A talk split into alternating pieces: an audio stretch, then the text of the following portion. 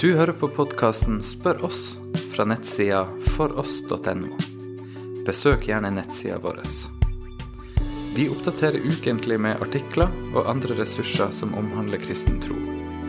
Du kan finne oss på foross.no. Hei igjen, og velkommen til en ny episode av Spør oss.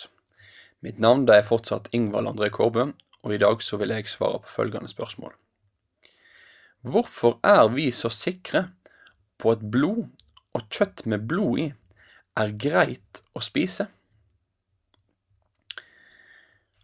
Aller først så må jeg bare få takke den som har sendt inn dette spørsmålet her, for et veldig spennende spørsmål. Jeg syns det var et interessant tema, og et tema som berører noe som vi òg har vært innom litt tidligere i denne podkasten. Jeg har i en tidligere podkast omtalt hvordan hovednøkkelen for hvordan eh, Guds folk i dag er kalt til å forholde seg til Moseloven Hovednøkkelen der det er at en må se på i hva grad det konkrete budet blir stadfesta eller oppheva i Nytestamentet. Og når det gjelder dette med spørsmålet om blod og ete kjøtt med blod i, så ser Nytestamentet faktisk ut til å videreføre dette forbudet her. Og som innsenderen kommenterer i, i den mailen han har skrevet til meg, så, så er òg dette budet her det er allerede gitt på Noas tid, allerede før Moseloven kom. Men likevel, selv om dette her var allerede fra Noas tid, og at det ble sagt i Nytestamentet òg til de hedninge kristne der at en ikke skal ete blod, så er det sånn at de fleste kristne i Norge i dag, de, de følger ikke, eller overholder ikke dette her budet. Så, så, hvorfor er det sånn? Er det bare noe vi har glemt? Er det sånn at vi er en gjeng med hyklere, eller har vi en god grunn til å i dag kunne ete kjøtt med blod i? Vi må begynne med denne aktuelle teksten i Nytestamentet. Og det er en tekst ifra apostlenes gjerninger. Det er i kapittel 15, og det er apostelmøte i Jerusalem. Det er et møte der apostlene kommer sammen, og de drøfter det store spørsmålet om en hedningekristen må gå inn under Moseloven sine krav, det vil si om han må bli omskåren og sånn, for å bli en del av, av Guds folk. Og midt i denne samtalen og diskusjonen så kommer da Jakob i midten av dette kapitlet her, med det forslaget som òg kommer til å bli vedtaket ved apostelmøtet. Og Da kan vi lese i apostelgjerningene kapittel 15 vers 19 20. Derfor mener jeg at vi ikke skal lage vansker for de hedningene som vender om til Gud. Men vi skal skrive til dem at de skal holde seg fra det som er smitta av avgudsdyrking, og fra hor, fra kjøt av kvelte dyr og fra blod. Det er med andre ord ingen krav til omskjærelse. Det er ikke sånn at hedningekristne må bli omskåren for å bli en del av Guds folk. Men samtidig så er det her sånn at det er noen konkrete ting som hedningekristne blir bedt om å holde seg unna. De blir bedt om å holde seg unna det som er smitta av avgudsdyrking, som en del mener at det er kjøtt som har blitt ofret til avgudene. De skal holde seg unna hor, kjøtt fra kvelte dyr og blod. Og Det er kanskje spesielt da at hor og blod blir nevnt i samme setning, som gjør at en lett kan begynne å tenke at det er litt inkonsekvent. At kristne ikke forholder seg til dette her i dag. For at kristne snakker jo mye om, om sex, og hvordan sex har sin ramme innenfor ekteskap mellom én mann og én kvinne, men jeg snakker lite om blodmat. Men nå skal jeg fortelle litt om hvordan jeg iallfall forstår disse her versene. Og så får nå det tenke litt sånn som det sjøl vil. Men jeg skal iallfall presentere én tolking som, som, er grunnlaget for hvorfor jeg i dag er kjøtt med blod i, og gjør det med god samvittighet. Dette her vedtaket under eh, apostelmøtet i Jerusalem, da åpner nå døra for hedningkristne til å bli en del av Guds folk. Og med det så oppstår det en utfordring som egentlig kommer til å prege veldig mye av eh, den første kristne tida. Og det handler om hvordan en kan ivareta fellesskapet mellom jøde- og hedningekristne. Dette har vært en stadig utfordring, og det ser ut til at den bobler opp til overflata, f.eks. i Galaterbrevet og i Efeserbrevet. For det kan òg se ut som at en del jødekristne holdt framme forholder seg til Moseloven sine renhetsforskrifter, om hva som var rent og hva som var ureint, etter at de ble frelst. Og det at de forholdt seg til disse kategoriene om rent og ureint etter at de hadde kommet til tro på Jesus som Messias, da gjorde det utfordrende for dem å ha fellesskap, og da framfor alt måltidfellesskap med hedningekristne. Og en konsekvens av dette her igjen, det var det at nattverdbordet veldig lett kunne da bli splitta.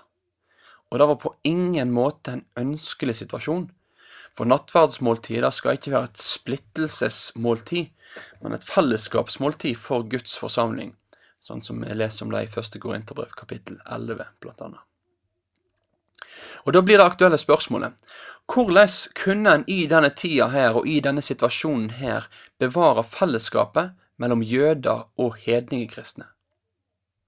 Og det er på den bakgrunnen her at vi må forstå disse forbudene.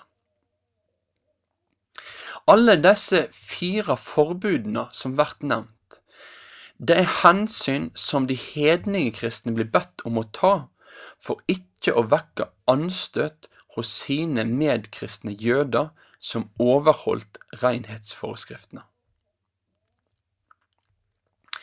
Dette handler ikke primært om moralske kategorier, vil si om hva som er synd og ikke synd. Nei, her beveger vi oss innenfor den rituelle sfæren. Med spørsmålet om hva er det som er rent, og hva er det som er ureint? Og hva er det som gjør meg rein, og enda mer, hva er det som gjør meg urein? For i den gamle pakt så var denne rituelle renheten av stor viktighet. Når jeg sier dette her nå, så kan det være at du tenker er det ikke sånn at hor er en moralsk kategori, da? Er ikke det et spørsmål om, om synd? Jo, det er det absolutt. Det er absolutt en moralsk kategori, og vi ser i Nytestamentet hvordan Nytestamentet stadfester at utenomekteskapelig sex både i tanke og handling er synd, imot Guds vilje. Men hor er òg et spørsmål om å være rein eller urein i Det gamle testamentet. Så det er et både-og. Det er både en moralsk og en rituell kategori. Og Når det gjelder dette med at hor blir nevnt, så kan jeg jo bare nevne det i en sånn liten bisetning òg, at her er det ulike tolkninger på, på hva det har vært sikta til. Blant annet så, så, kan jeg nevne at en som heter Reidar Valvik, som har skrevet en kort, men ganske grei kommentar til apostelgjerningene som heter Fra Jerusalem til jordens ende. Han mener at her er sånn at hor da sikter til ekteskap mellom slektninger som var forbudt ut fra Moseloven, men mer akseptert ut ifra en gresk-romersk sammenheng. Så det er iallfall én mulig forklaring på akkurat dette her.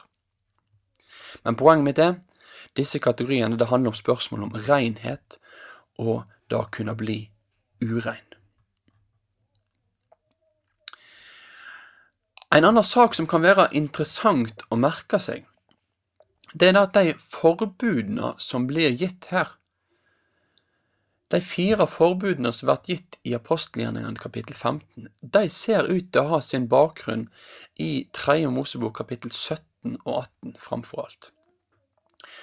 Og Dette her det er noen kapittel i Bibelen som handler om hvordan innflyttere skulle følge ulike lover når de bodde blant israelittene. Så hvis det kom en ikke-israelitt og bodde blant israelittene, ja, så skulle de forholde seg til en del av israelittene sine lover. Og Dette var for å legge til rette for fellesskap og for sosial kontakt mellom jøder og ikke-jøder som var midt iblant dem.